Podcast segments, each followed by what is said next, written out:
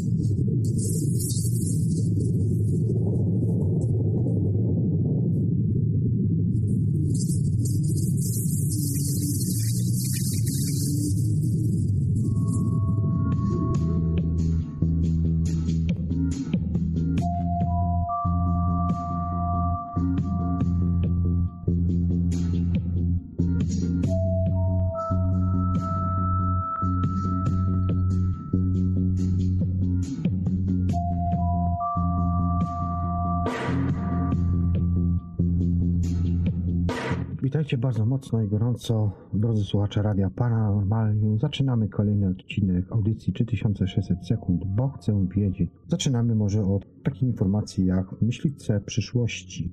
Choć samoloty piątej generacji dopiero wchodzą na wyposażenie sił powietrznych różnych państw, trwają już wstępne prace koncepcyjne nad ich następcami. Niebiosa w coraz większym stopniu są przyjmowane przez samoloty piątej generacji takie jak na przykład amerykańskie F-22 i F-35, czy też chińskie J-20. Rosyjski mm, Suchoj prowadzi pracę nad dwusilnikowym myśliwcem piątej generacji PAK-FA, natomiast Chińczycy nad kolejną maszyną J-31, a Japończycy nad kolejnym X-2, które zastąpią obecnych królów przestworzy, w tym znane jeszcze z zimnej wojny F-16, MiG-29 czy Su-27.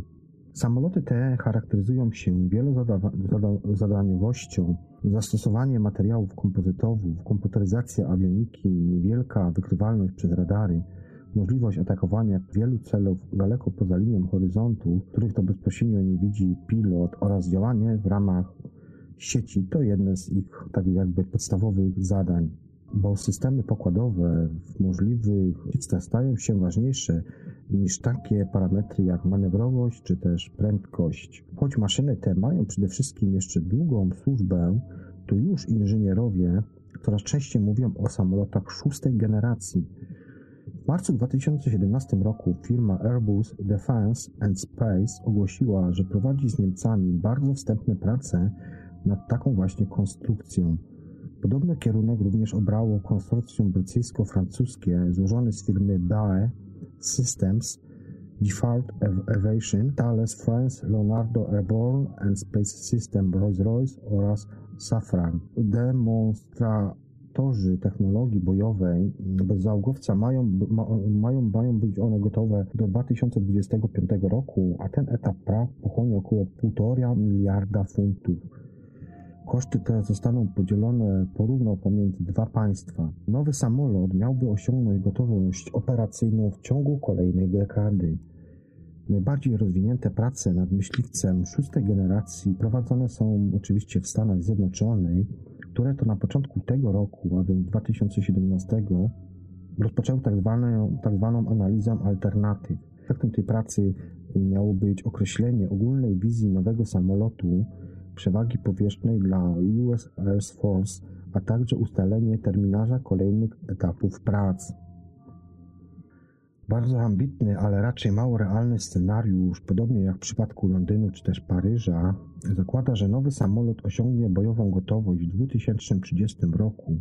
Amerykanie chcieliby, aby ich nowy odrzutowiec zastąpił F-22 i F-15C, a więc konstrukcje, które podczas wówczas będą miały już odpowiednio po 30 i 50 lat. Już teraz można wskazać ogólne cechy, które najprawdopodobniej będą wyróżniały samoloty szóstej generacji. Prace ich zdecydowanie idą w kierunku rozwoju zakresu działań i efektywności systemów pokładowych.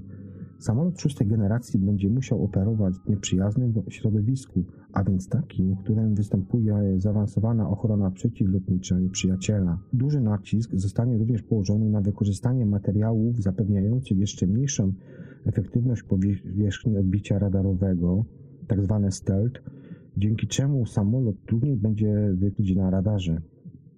Działaniem pośrednim na drodze do zwiększenia parametru stealth będzie zapewne umieszczenie uzbrojenia raczej głównie w komorze wewnętrznej, tak jak na przykład ma to miejsce F-16 w trybie niewykrywalności, niż pod skrzydłami, bowiem zmniejsza to ryzyko wykrycia, ale jednocześnie też redukuje to nasz broni, jaką samolot będzie mógł przenosić. Zwiększenie niewykrywalności to jednak wielkie wyzwanie. Prace nad rozwojem obrony przeciwlotniczej nie stoją wszak w miejscu i nawet F-35 ma, ma ograniczoną niewykrywalność przez radary, głównie w przedniej części samolotu. Trudno więc zakładać, że w tej dziedzinie szybko dojdzie do jakiegokolwiek przełomu dlatego też naukowcy szukają innych elementów, które będzie można rozwinąć. Obecnie uznaje się, że jedną z cech samolotów szóstej generacji ma być efekt pozbywania się ciepła, chociażby pochodzącego z pokładowej broni laserowej dużej mocy. Amerykański koncern Northrop Grumman, który wygrał kontrakt na dostawę bombowca nowej generacji, pracuje obecnie nad silnikiem wykorzystującym ciepło z laserów do podgrzewania powietrza napędzającego silnik odrzutowy zamiast paliwa.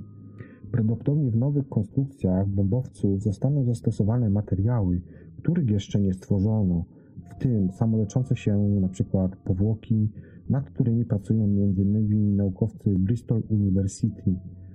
Nawet niewielkie uszkodzenie płatowca przy tak dużych prędkościach i przeciążeniach może mieć katastrofalne skutki. Nowe technologie sprawią, że w przypadku uszkodzeń samoczynnie zostaną one uzupełnione mikrokapsułkami z cieczą i w wyniku jej polimeryzacji rana zostanie całkowicie zamknięta. Obecnie przewiduje się, że zamknięcie uszkodzeń nastąpi w ciągu kilku lub kilkunastu godzin, ale nie można też wykluczać, że uda się ten czas skrócić na tyle, że do ich zniwelowania mogłoby nawet dojść w trakcie lotu. Ale nawet jeśli techniki te nie będą aż tak zaawansowane, to pozwolą na sprawne usunięcie zwykłych efektów wynikających z eksploatacji samolotów, w tym zmęczenia materiałów oraz trudności w wykrywaniu mikropęknięć. Wydłuży to więc czas służby takiego samolotu.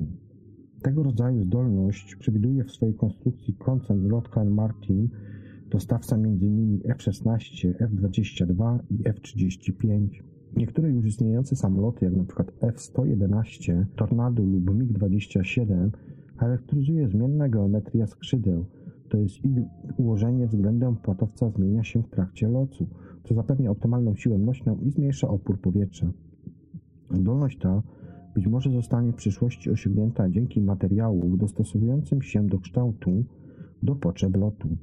Takie prace prowadzą również NASA, jak i firmy cywilne, w tym koncern Gulfstream. Zakłada się, że modyfikacje silników zapewniają lepszy stosunek ciągu do ciężaru. Ze względu na obciążenia wyklucza się zasilanie elektryczne lub słoneczne jako przynajmniej na razie dość mało efektywne.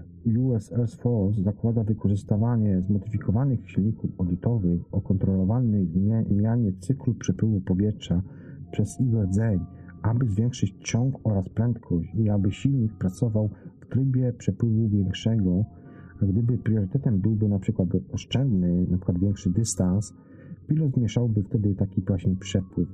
Amerykanie też przewidują wstępnie, że taka technologia zredukuje zużycie paliwa o 25%, a także wydłuży zasięg operowania o 35%.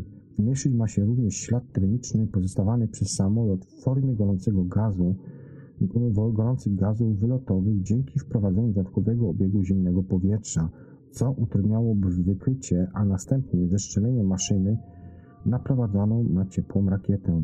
Nowy samolot będzie wykorzystywał biopaliwo, które już jest testowane w samolotach bojowych, a być bardziej ekonomiczne i docelowo tańsze, jak chociażby paliwo z ALK. Samoloty szóstej generacji mają górować nad piątą możliwą wykrywania i zwalczania nieprzyjaciela poza granicy kontaktu wzrokowego. W tym celu też zostaną one wyposażone w rozwijane obecnie radary AESA z aktywnym skanowaniem elektronicznym, które to są odporniejsze na atak i mogą one generować wiązki o różnych częstotliwościach, zapewniając większą rozdzielczość, zasięg i kąt działania. AESA posiada bowiem sieć tysięcy modułów dawczo-odbiorczych, podczas gdy dalsze radary ze skanowaniem pasywnym PESA-1. Te rozwiązania będą wykorzystywać rozwijane obecnie półprzewodniki zawierające azotek galu, które są mniejsze, tańsze oraz lżejsze niż oparte na dotychczas używanym arsenku galu. Zapewniają one większy zasięg działania, a także możliwość śledzenia wielu celów jednocześnie. Powstaje również nowa broń, to jest nowy typ rakiety, powietrze-powietrze, powietrze-ziemia, a także prowadzenie laserowe na cel bomby. Pilot będzie mógł skutecznie atakować cel, którego nie dostrzega wzrokiem, np. zasięg rakiety JASM ER to ponad 1000 km, a rozwijanej obecnie przez Amerykanów z Norwegami przeciwokręgowymi okręgowej JSM nawet do 550 km. Kto wie, być może na wyposażeniu znajdą się także takie pociski jak HSSW High Speed Strike Weapon, który jest rozwijany jako rakieta o prędkości ponad pięciokrotnie większej niż prędkość dźwięku. Prawie na pewno samoloty otrzymają lasery do atakowania celów powietrznych, naziemnych oraz do samoobrony. Demonstrator technologii tego ostatniego elementu ma być gotowy w Stanach Zjednoczonych około 2021 roku. Prowadzi się również y, pracę nad bronią mikrofalową o dużej mocy do niszczenia obiektów jak rosyjski np. Raniec E, do niszczenia układów elektronicznych impulsami o czasie trwania od 10 do 20 nanosekund, czy też, też ADS o, ciągu, o ciągłych impulsach i podobnym zastosowaniu, to pierwsze w armii amerykańskiej niezabijający system do neutralizacji żołnierzy zadaje jedynie ból wskutek podgrzania tkanek. Istotną zmianą może być też wykorzystanie w większym stopniu komputerów pokładowych do podejmowania decyzji za pilota lub pilotów, bo niektóre samoloty mają dwóch członków załogi. Zarówno Amerykanie, m.in. Boeing, jak i Rosjanie Suchoj zakładają wersję mieszaną. To jest taką wersję, gdzie samolot będzie miał kabinę pilota, ale jednocześnie będzie mógł operować w powietrzu samodzielne za pośrednictwem operatorów ziemi naziemnych lub też operatora leżącego w towarzyszącym samolocie. Podczas gdy wstępne plany niemieckie idą w tym samym kierunku, podczas gdy brytyjsko-francuski projekt zakłada obecnie konstrukcję bezzałogową. Nie jest to już fantastyka naukowa. Europejski demonstrator technologii, przyszły, technologii z przyszłego um, bojowego uzbrojenia N-Euron został pomyślnie oblatany już kilka lat temu, podobnie jak amerykański X-47B. Różne państwa już teraz wykorzystują konwencjonalne odrzutowce do lotów bezpilotowych.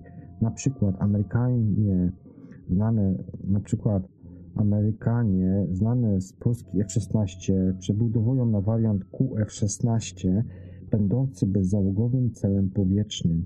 Zaczątek technologii zatem już jest. Zakłada się, że nowy samolot będzie systemem systemów, zostanie wpięty w sieć kontroli i dowodzenia, dzięki czemu temu pilot lub też operator będzie otrzymywał w czasie rzeczywistym dane satelitarne i od żołnierzy na Ziemi. Wiele z nich, w tym informacje o położeniu wrogiej stacji radiolokacyjnych lub też automatyczna diagnoza systemu, będzie przetwarzanych i wykorzystywanych przez komputery pokładowe. Jednocześnie samolot będzie odporny na atak elektroniczny i teleinformatyczny, tak jak rozwijane obecnie śmigłowce, np. najnowsza wersja AH-64E LOT 6, to jest samolot szóstej generacji, będą połączone z bezzałogowcami zapewniającymi dodatkową parę oczu lub możliwość atakowania celów w nieprzyjaznym środowisku. Jednoczesna miniaturyzacja sprawi, że systemy pokładowe staną się lżejsze, to zredukuje masę samolotu i albo poprawi parametry losu, albo pozwoli on na zamontowanie dodatkowych systemów. Przewiduje się, że zastosowanie nowych, jeszcze nieznanych materiałów umożliwi, umożliwi dosłownie wtopienie wielu takich systemów w konstrukcję płatowca. Boeing zapewnia, że np. pojedyncza szyna światłowodowa może zastąpić liczne przewody, co ułatwi serwisowanie samolotu oraz zmniejszyć masę własną. Na przeszkodzie konstruktorom samolotów nowej generacji stają nie tyle same technologie, a właściwie ich brak, gdyż doszliśmy niemal do granicy rozwoju, ale także pieniądze, które muszą być gigantyczne, by taki program rozpocząć, a następnie go wdrożyć. Firmy prywatne, a to one często są pomysłodawcami takich właśnie projektów, nie mogą pozwolić sobie na wydanie miliardów dolarów bez pewności, że ich propozycja trafi do produkcji. Dość odwołać się też można do przykładu najbardziej zaawansowanego samolotu bojowego świata, a więc F-35, którego to rozwój i wdrożenie do służby nie były nie tyle o wiele droższe niż pierwotnie zakładano, ale również odbywały się w zdecydowanie mniejszym tempie, bowiem cały program pochłonął ponad 110 miliardów dolarów, a samolot F-35 nadal nie osiągnął zakładanych parametrów. To sprawia, że rozwój samolotów szóstej generacji należy patrzeć z dużą rezerwą, bowiem ich wprowadzenie do służby to pieśń bardziej odległej przyszłości.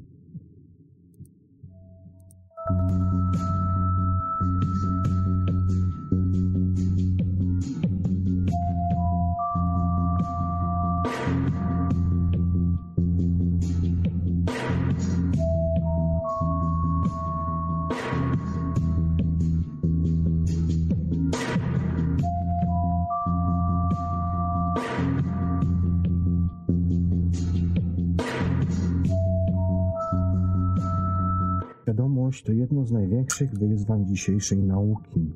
Czy jej tajemnica kryje się w neuronach, czy na szachownicy? Grana cierniowa w głowie. Świadomość to dekad najtwardszy ostrzeg do wygryzienia nauki. Tak twardy doczekał się nazwy trudnego problemu i to pisanej dużymi literami. Angielski psycholog Stuart Sutherland przyznał w słowniku psychologii z 1989 roku, że nie da się określić, czym jest świadomość, co robi, dlaczego powstała. Zacytuję tutaj. Nic wartego przeczytania o niej nie napisano. Koniec statu. Po 18 latach może wciąż nie wiemy wiele więcej, ale już nie sposób powiedzieć, że nic ciekawego w tym temacie nie napisano. A to dzięki analizie y, mózgu myszy oraz pewnej rozgrywce szachowej. Przedmurze świadomości. Dr Christoph Hoff, dyrektor mieszczącego się w Seattle Allen Institute for Brain Science, został wychowany jako katolik. To nie bez znaczenia dla jego kariery naukowej, bo jak przyznał on po latach, zajął się badaniem świadomości, by kiedyś móc powiedzieć w końcu OK. Jako naukowiec poddaję się, świadomość jest jednak sprawką Boga, ale z czasem zmienił on jednak zdanie. Co więcej, uważa, że odnalazł on miejsce, które jest siedzibą świadomości nie mieszając to żadne istoty wyższe. Tym miejscem to jest oczywiście przedmurze, to jest taka cienka na mniej niż 2 mm, położona głęboko w mózgu warstwy istoty szarej, która to w przekroju mózgu wygląda jak smuga oleju rozlana między jądrem soczewkowatym a wyspą. Ale dlaczego właściwie akurat ten obszar? Choćby za sprawą chorej na lekko odporną padaczkę kobiety, która to trafiła do George Washington University w 2014 roku. Jej przypadek badał Mohamed Koubeisis, profesor neurologii. U tej 54-letniej pacjentki szukano źródła epilepsji za pomocą prądu przepuszczanego przez różne obszary mózgu, podczas gdy ona czytała na głos tekst. Kiedy elektroda z prądem dotknęła przedmurza, stało się coś dziwnego, ponieważ pacjentka przestała czytać. Jej wzrok się rozmył, a oddech zwolnił. Prąd wyłączono i znów była ona w kontakcie. Okazało się, że świadomość jest jak żarówka. Można ją po prostu włączyć i wyłączyć prądem. Dla Kocha był to znak, że coś jest na rzeczy. Maltretowanie mózgów żywy, żywych pacjentów byłoby nieetyczne, ale on postanowił zatem przetestować mózgi mysz. On oraz jego grupa ponad 100 naukowców z Allen Institute for Brain Science, badając je od 2012 roku, badali po prostu do 2012 roku te wszystkie myszy. Trafiło do ich laboratorium niemal 2000 tych zwierząt, których to aktywność mózgową śledzono na przykład podczas pokazywania im filmów ze zbliżającym się na przykład kotem. W najnowszym tym eksperymencie kot zdecydował, że sprawdzi neurony przedmurza. Neurony, czyli komórki nerwowe, są trochę jak ski ośmiornicy. Sięgają z, jedno, z jednego miejsca do drugiego, by przewodzić informacje w postaci sygnałów elektrycznych. Danie neuronów to wyjątkowo niewdzięczne zajęcie. Poszczególne komórki dostają zastrzyk z barwnika, mózg dostaje pocięte na odpowiedniej grubości skrawki, a potem badacz śledzi przebieg wypustek neuronów niczym drogę w skomplikowanym mikrolabiryncie. Zespół z Allen Institute zrobił to jednak inaczej.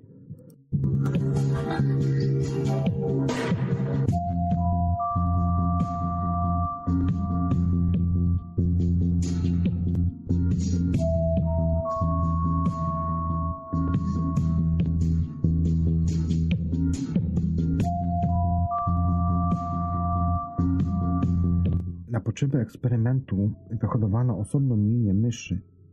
Ich neurony przedmurzu reagowały na podaną zwierzętom substancję tak, że uaktywniała się tylko część z nich, na dodatek podświetlając się na jaskrawo zielony kolor. Przyniosło to nie tylko piękny efekt wizualny, ale i zaskakujące odkrycie. Po wrzuceniu tych danych do komputera na ekranie pojawiła się trójwymiarowa mapa mózgu myszy z wyraźnie zaznaczonymi trzema neuronami oplatającymi obie półkule, z czego jeden otaczał cały organ niczym korona cierniowa, że posłużyłem się słowami kocha. Czyżby zatem macka tego wielkiego neuronu służyła do przekazywania sygnałów do centrów dowodzenia, jakim jest na przykład przedmurze? Na takie wnioski, co jest troszkę tutaj jednak jeszcze za wcześnie, na pewno jednak Koch ma potężnego sojusznika. O tym, że przedmurze pełni funkcję dyrygenta w mózgu, Mówi też słynny François Crick, jeden z okrystów struktury DNA, laureat Nagrody Nobla. Ale ani uznane nazwiska, ani badania myszy i epileptyków nie wystarczą, aby przekonać środowisko naukowe. Sceptykiem w tej sprawie jest chociażby przykład profesor Andrzej Kapusta z Wydziału Filozofii i Socjologii Uniwersytetu Marii Skłodowskiej-Curie w Lublinie. W badaniach nad, roz, nad mózgiem można zauważyć dwa podejścia lokalizacjonizm oraz holizm. Z perspektywy badawczej mogłoby się wydawać, że lokalizacjonizm jest prostszy, ponieważ wystarczy znaleźć odpowiednie odpowiadające za świadomość ponieważ wystarczy znaleźć odpowiadający, odpowiadający za świadomość neuron albo na przykład obszar mózgu, a, na, a potem prowadzić nad nim precyzyjniejsze badania. Tak twierdzi, y, komentuje to wszystko, te wszystkie całe badania pan Kapusta.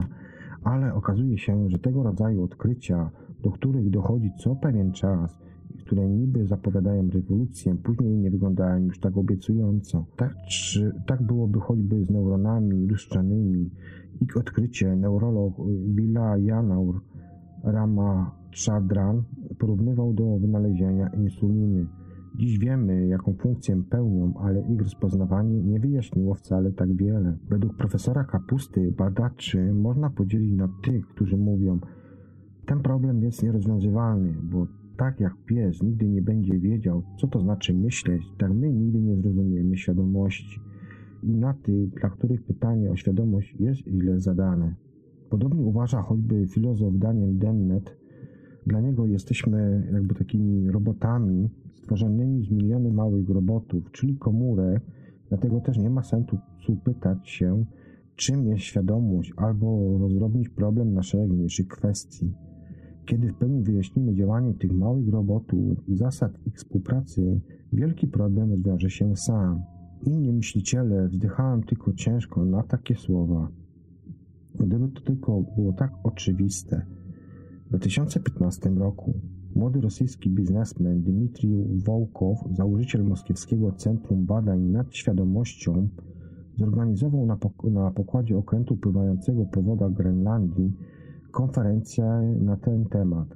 30 naukowców oraz studentów, w tym Dennet, przez tydzień zmagało się z zagadnieniem tylko po to, by finalnie ustalić, że nie są oni w stanie nic finalnie ustalić. Może więc rzeczywiście marnujemy czas. Końcu po co nam odpowiedzi, skoro nie jesteśmy nawet w stanie zadać poprawnych pytań? Cały ten galimatias zawdzięczamy, kar zawdzięczamy Kartezjuszowi, ten francuski matematyk, filozof oraz fizyk, który żył na przełomie XVI i XVII wieku, doszedł do wniosku, że nie ma nic, nic pewniejszego niż to, że jesteśmy świadkami. Może i wszystko, co wiemy i widzimy, to jedynie iluzja, ale sama świadomość iluzji być, iluzją być nie może. A skoro to coś istnieje, to, to z czego jest ono zatem zbudowane? Jak ono wygląda? Kartezjusz stwierdził to samo, co początkowo Koch musiał, musiała tutaj nastąpić boska ingerencja. Co uszło w XVII wieku, stało się nie do przyjęcia w XX wieku. W latach 50. ubiegłego wieku było jasne, że problemem trzeba się zainteresować bardziej poważnie. Wtedy bowiem rozpoczęły się prace nad sztuczną inteligencją, a ta bez świadomości nie istnieje. Jeżeli mamy do czynienia z działaniami zautomatyzowanymi, to element świadomości nie jest nam do niczego potrzebny, podkreśla tutaj profesor Kapusta, zapewne nieświadomie bujając się w fotelu w swoim gabinecie. Tłumaczy, że większość naszych codziennych działań odbywa się na poziomie nieświadomym. Jechałeś dziś do pracy autem? Ile razy musiałeś skoncentrować się na zmianie biegów? Myjść zęby po śniadaniu? i tak dalej, i tak dalej. Można iść o zakład, że nie potrzebowałeś do tego instrukcji obsługi. Nasz mózg jest duży i potrzebuje ogromnej ilości energii. Nie ma co jej marnować na zastanawianie się nad prostymi czynnościami. Świadomość pojawia się wtedy, gdy stajemy przed rzeczywistymi dylematami, nowymi sytuacjami, do których to musimy się dostosować. Jeśli sztuczna inteligencja ma się uczyć, także tego potrzebuje. Potrzebuje więc świadomości. Kartezjusz porównywał nas do XVII-wiecznej maszyny. W XX wieku nauka sięgała po inne metafory, innymi takie jak pojawił się model umysłu jako komputera. W takim rozumieniu mózg to hardware, a umysł software. Świadomość zaś byłaby tu jedynie efektem ubocznym albo końcowym procesów, do których nie mamy dostępu. Tak opisuje to pan dr Kapusta. Jest jednak pewien naukowiec, który porównywanie naszych umysłów do komputerów uważa za urągające ludzkości i próbuje tego dowieść za pomocą szachów. Angielskie nazwisko Petrose znane jest na całym świecie. W końcu to szachowy arcymistrz w grze klasycznej. Honorowy tytuł nadano mu w 1998 roku i nadała mu ten tytuł Międzynarodowa Federacja Szachowa. Jest on zdobywcą brązowego metalu w 13 Mistrzostwach Świata w szachach korespondencyjnych, dziesięciokrotnie niż w Wielkiej Brytanii. Jonathan Pentros ma też starszego brata Rogera, wybitnego matematyka i fizyka, legendę świata nauki. Tak się składa, że ten 86-letni Roger Penrose otworzył w marcu 2007 roku Roger Petros Institute, który współpracuje z Uniwersytetem College London oraz Oxford University. Placówka powstała po to, aby zbadać zagadkę ludzkiej świadomości. Roger Penrose jest bowiem współtwórcą teorii kwantowej świadomości, wedle której nasza zwykła fizyka nie przybliża nas nawet na milimetr do tajemnicy ludzkiej jaźni. A już na pewno nie sposób opisać jej za pomocą komputerowej analogii. Potrzeba do tego mechaniki kwantowej. Za młodu przy szachownicy Roger regularnie dostawał łupnia od Jonathana, lecz teraz, aby udowodnić wyższość ludzkiego umysłu nad bezdusznym komputerem, opracował on wspólnie ze swoim zespołem szachową łamigłówkę. Twórcy tutaj zapewniają, że dla komputera rzecz jest klarowna, czarne powinno tutaj wygrać ale że w rzeczywistości białe mogą zremisować albo osiągnąć zwycięstwo. Tę opcję jednak może, może zobaczyć tylko człowiek. Wiemy, że ludzkie umysły mogą dokonywać rzeczy, których nie osiągnie się nawet przy najmocniejszych komputerach, ale nie wiemy po prostu dlaczego. Tak mówi Roger Pentrose w wywiadzie dla gazety The Telegraph. Michael Bartel, mistrz szachowy FIDE, wątpi, by zaproponowane przez zespół Pentrosa ustawienie na szachownicy mogłoby pojawić się w prawdziwej grze, ale możliwość zwycięstwa białych jest tu dla niego oczywista. Jak tłumaczy, komputer działa na zasadzie algorytmu, biorąc pod uwagę każdy możliwy ruch oraz kolejne odpowiedzi przeciwnika i oceniając pozycję, a więc sumę wszystkich składowych, począwszy od liczb i wartości figur, a na detalach dotyczących ustawienia każdej gierki skończywszy. Na przykład goniec zablokowany przez własne pionki ma mniej ruchów i zazwyczaj jest gorszy niż goniec na otwartej diagonali. Tym przypadku czarne mają znaczniejszą przewagę materialną. Komputer zakłada więc, że mają zwycięską sytuację, ale czarne figury w tym wypadku są zablokowane, bo nie mają ruchu. Tak twierdzi Bartel. E, do dyspozycji co prawda pozostają jeszcze trzy gące, ale te królowi białych zagrozić nie mogą. Białe mają jak najbardziej szansę na zwycięstwo. W konsekwencji najgorszych ruchów przez czarne mogłoby dokonać wtedy promocji pionka na hetmana lub gońca i dać mata. Żeby przegrać, zawodnik grający białymi musiałby popełnić samobójczy ruch, a więc bić jedną z dwóch czarnych wież. Czy tajemnica świadomości kryje się więc w kilkunastu ruchach na, na szachownicy? A może jednak należy szukać jeszcze innej y, drogi niż droga naukowa? W 2013 roku Christoph Koch wybrał się do monasteru Mundok w Indiach, by porozmawiać tam z Dalai Lamą o neuronautyce oraz o buddyjskiej koncepcji świadomości, wedle której jest ona wszędzie wokół nas na różnych poziomach. W przeciwieństwie do wspomnianego spotkania naukowców na Grenlandii, tutaj obie strony wyszły ze spotkania, zgadzając się jednak, właściwie zgadzając się ze sobą w 100%.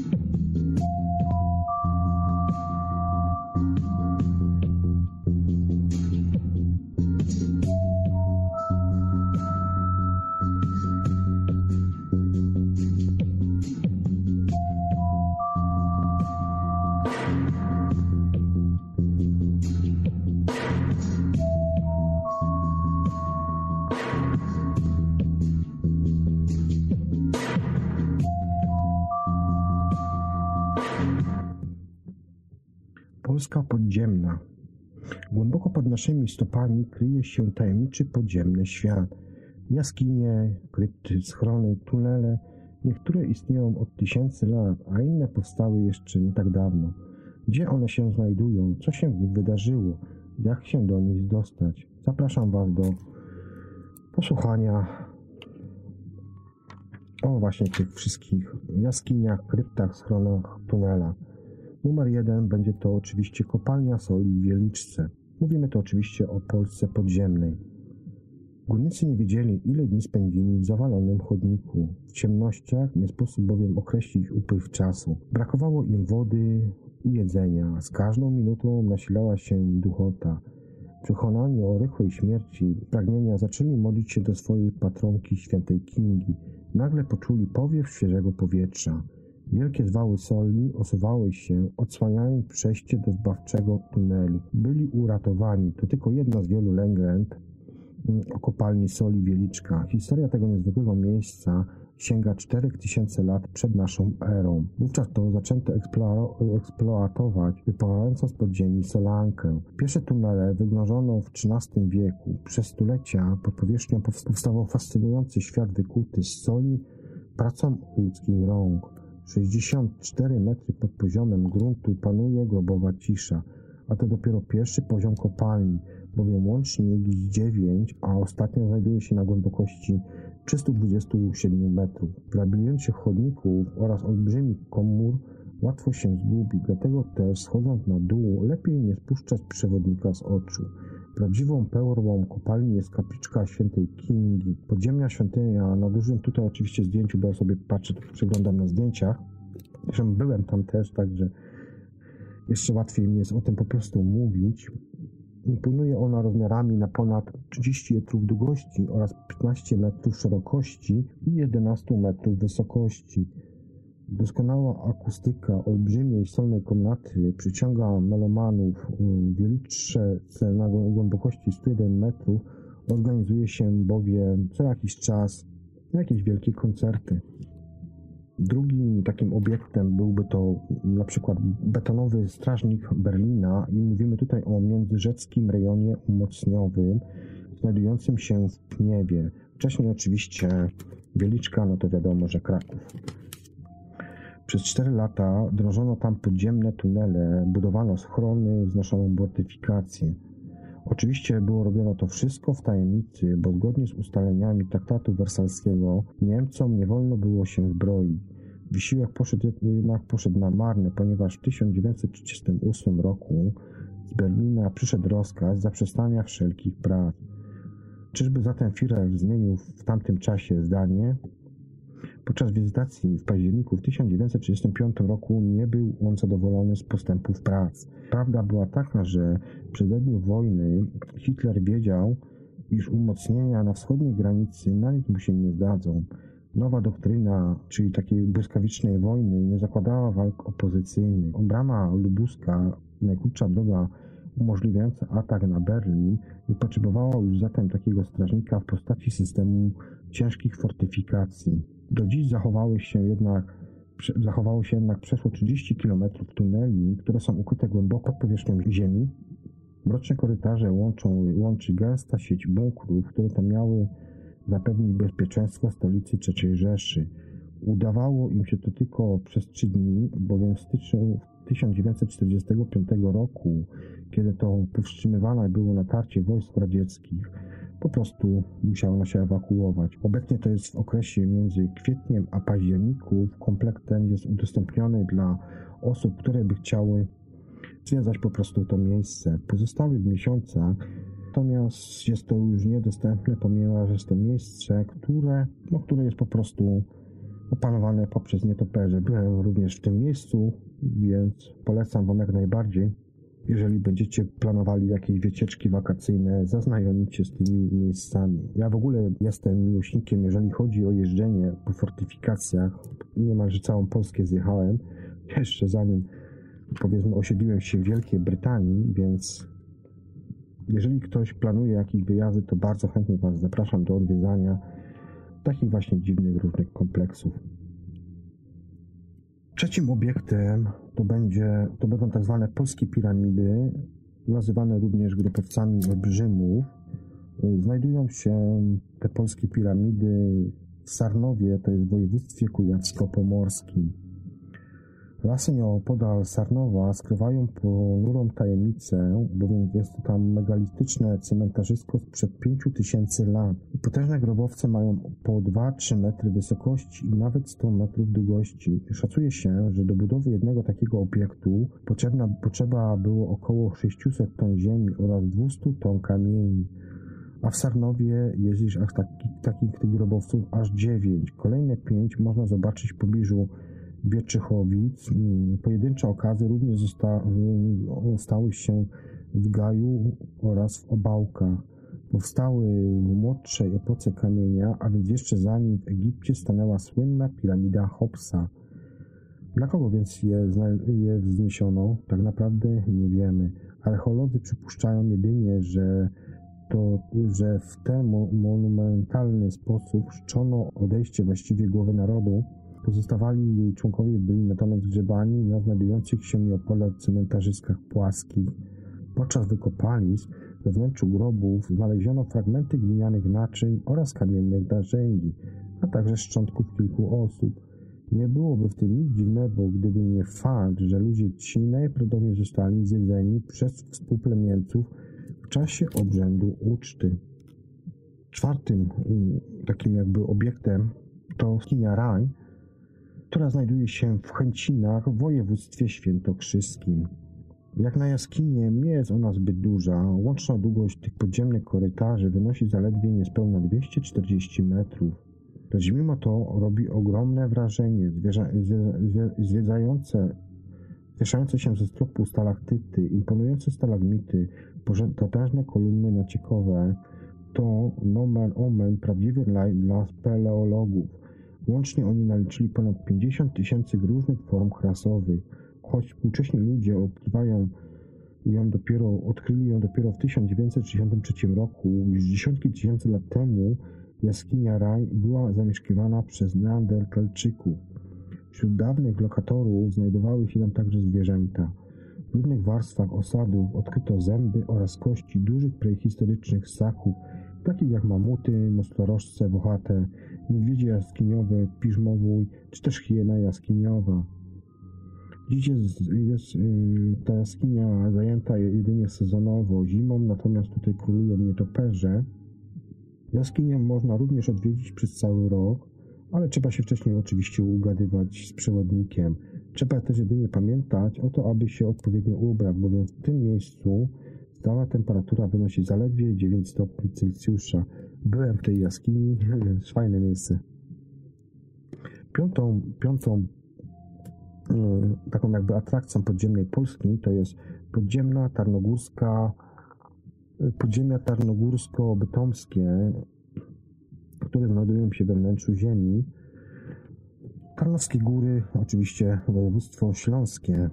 80 lat ciężkiej górniczej pracy Drążenia w twardych skałach, schodzenia coraz to głębiej, poszukiwaniu cennych rud srebra i ołowiu spowodowało efekt taki właśnie, że powstały te podziemne podziemia. 300 km chodników mają szyb, komór oraz sztolni. Pod Tarnowskimi Górami rozpościera się właśnie taki jeden z najbardziej okazałych systemów podziemnych korytarzy w Europie. Jest to prawdziwy labirynt. Obecnie jest ono nieczynne, ponieważ wyrobiska stały się królestwem dla nietoperzy. Każdej zimy gromadzi się tutaj kilkanaście tysięcy w ciszy i w mroku opuszczonych kopalni śpią ci wszyscy właśnie, te wszystkie nietoperze i czekają aż na nadejście wiosny. Nikt nie zakłóca im tutaj spokoju, turyści nie mają tutaj wstępu i oznacza to jednak, że te potężne podziemia są całkowicie zamknięte dla ludzkich oczu, bowiem zwiedzającym udostępnia się fragment kompleksu, to jest tej właśnie Tarnowsko, dokładnie kompleks to jest mm, Tarnowsko-Górska Zapytkowa Kopalnia Srebra oraz szczolnie czwartego pstrąga, gdzie ma tam, gdzie tam na, na miłośników właśnie takich głębinowych podróży czekają właśnie przygody po najdłuższym Polsce podziemnym korytarzu. Szóstym takim obiektem, którym bym Wam tutaj mógł jeszcze zaproponować, jest to magazyn broni jądrowej. Polski arsenał nuklearny znajduje się na Podborsko w województwie zachodniopomorskim. Strona sowiecka dostarczyła tutaj plany budowy właśnie takiego jakby tego całego arsenału nuklearnego, Polacy jedynie je zrealizowali oraz oczywiście sfinansowali.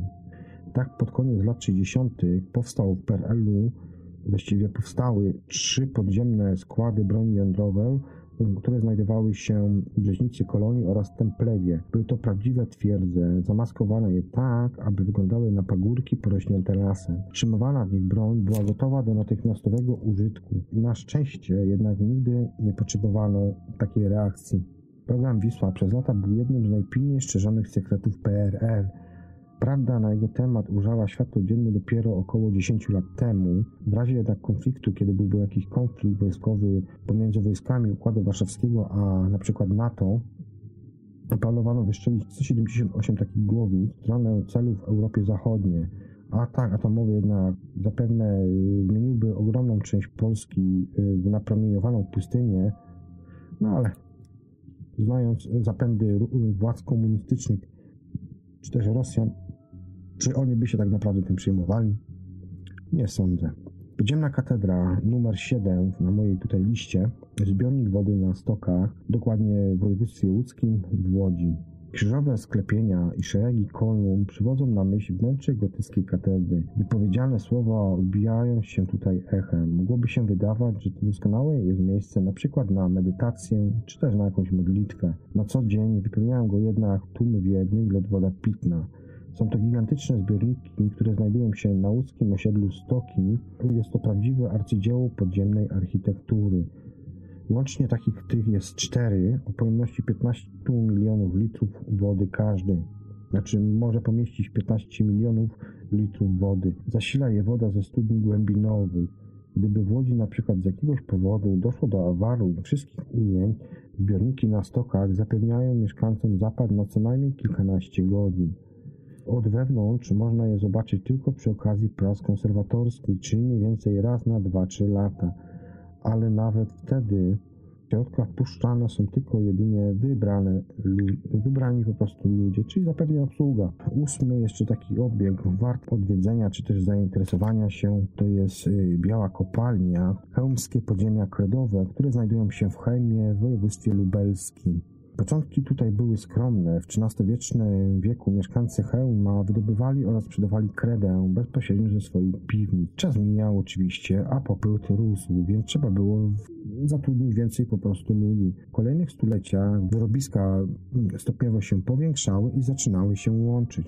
W końcu powstał czteropoziomowy podziemny labirynt, który wykraczał poza granice miasta. Nad tym właśnie spontanicznymi pracami górniczymi nie było właściwie żadnej kontroli. No i czego się można było spodziewać? No efekt był taki, że załamujące się sklepienia, specyficzna technika pozyskiwania surowców i niespotykowane nigdzie indziej zabezpieczenia powodowały to, że te wyrobiska zaczynały się zapadać i właściwie powstawały chaotycznie. Chełmskie podziemia kredowe to unikat na skalę europejską i to nie tylko z powodu wyjątkowej kreatywności ich twórców w kwestiach um, technicznych. Wszechobecna biel oraz otoczka tajemnicy, która towarzyszy temu niezwykłemu obiektowi, sprawiają, że człowiek czuje się tutaj nieco nieswojsko, a może to jednak jest sprawa ducha bielucha, który to nie chce, by ktoś odnalazł legendarne okute wyrobisku skarby. Kto wie, kto wie. Polecam Wam zaznajomić się również o nawet właśnie o tym, zabrać sobie informacje, choćby nawet o tym duchu bieluchu. Kopalnia złota, Złoty Stok, województwo dolnośląskie. Złota dla zuchwałych jest to już kolejna taka dziewiąta moja propozycja. Szacuje się, że łącznie z eksploatacji tutejszych złót uzyskano, uzyskano 16 ton czystego złota. Obecnie taka ilość klusca kosztowałaby prawie 2,5 miliarda złotych. Nawet w skali 700 lat prac górniczych jest to imponująca suma, jednak cena, która, którą trzeba było y, zapłacić za to była ogromna. Trudno zatem zliczyć jest ilość katastrof, jakie ta kopalnia widziała w swojej długiej historii w Złotym Stoku. Jedna z największych, y, bowiem zawalenie głównego sztybu w sztolni Złoty Osioł nastąpiło w 1565 roku pochłonęła ona 59 ofiar. Ich szczątek nigdy oczywiście nie odnaleziono, nikt nawet nie próbował usuwać tego całego zawału. Miałkowie, którzy zapuścili się w te rejony, mogliby natknąć się na przykład na w ciemnościach kości tragicznie zmarłych górników. W 1932 roku tą kompalnię zamknięto. Do dziś właściwie nie wiadomo dlaczego. W latach 90. ubiegłego wieku pozostała ona ponownie otwarta, tym razem jednak nie dla górników, ale dla turystów. Czeka tutaj bowiem dla turystów nie lada gratka, ponieważ w tej kopalni znajduje się największy podziemny wodospad w Europie. Tajemnica polskiego uranu. Sztolnie Kowary to jest propozycja numer 10.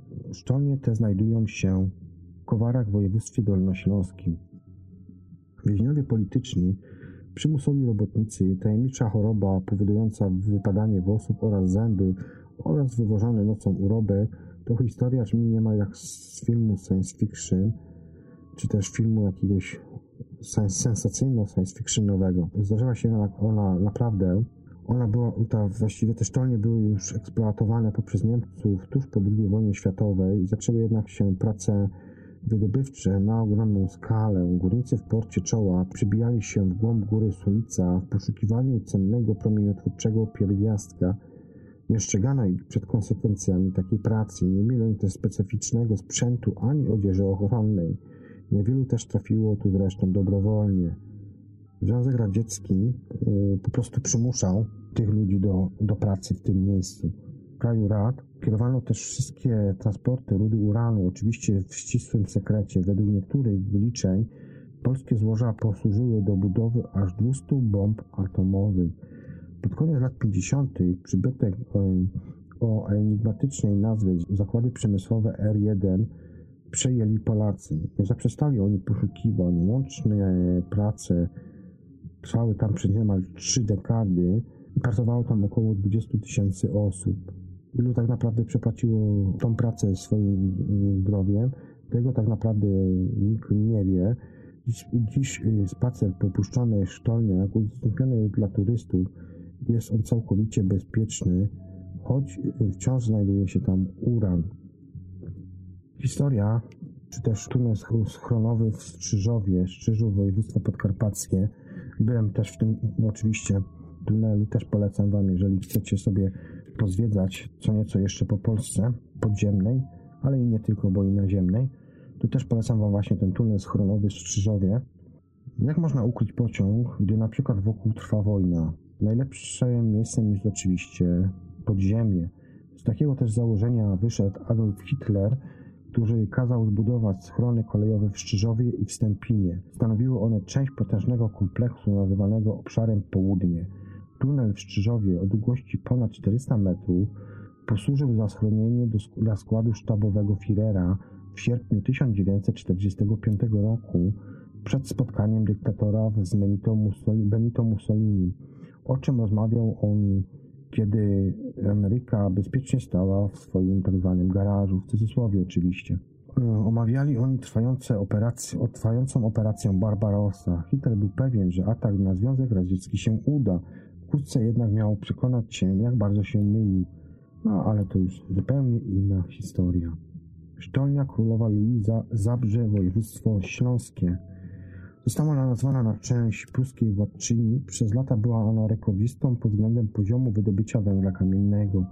Pod koniec XIX wieku w kopalni Królowa Luiza wywożono rocznie ponad 3 miliony ton czarnego złota. Ostatni wypełniony wagonik wyjechał na powierzchnię w roku 1998 roku. Upuszczone wyrobiska bynajmniej nie są one martwe, choć na pierwszy rzut oka mogą być tak, mogą, może się nam tak po prostu wydawać. W podziemnych tunelach udostępnionych dla turystów znajduje się dziś cmentarzysko, jest maszyn górniczych. Co ciekawe, niektóre wciąż działają, działają, mimo że są już mocno wiekowe. Królowa Luiza była niemym świadkiem rewolucji przemysłowej. Tu testowano nowe wynalazki, zanim wprowadzano je do innych okolicznych kopalń. Po II wojnie światowej straciła ona swoją królew, królewskość. W Polsce nie było miejsca na monarchię, więc Luizę przechrzczono na KWK Zabrze. W 1965 roku otwarto tu pierwszą kraju podziemną trasę turystyczną górnictwa węgla kamiennego. Oczywiście propagandową, jak to było w czasach PRL. Ja Wam y, serdecznie dziękuję za mm, słuchanie moich tutaj y, relacji w kolejnej audycji 3600 sekund, bo chcę wiedzieć. Będziemy kontynuować o podziemnych miastach już w kolejnej, następnej, y, następnej jakby odsłonie tej audycji. Serdecznie Wam dziękuję za wysłuchanie mnie i zapraszam do następnej audycji. Cześć.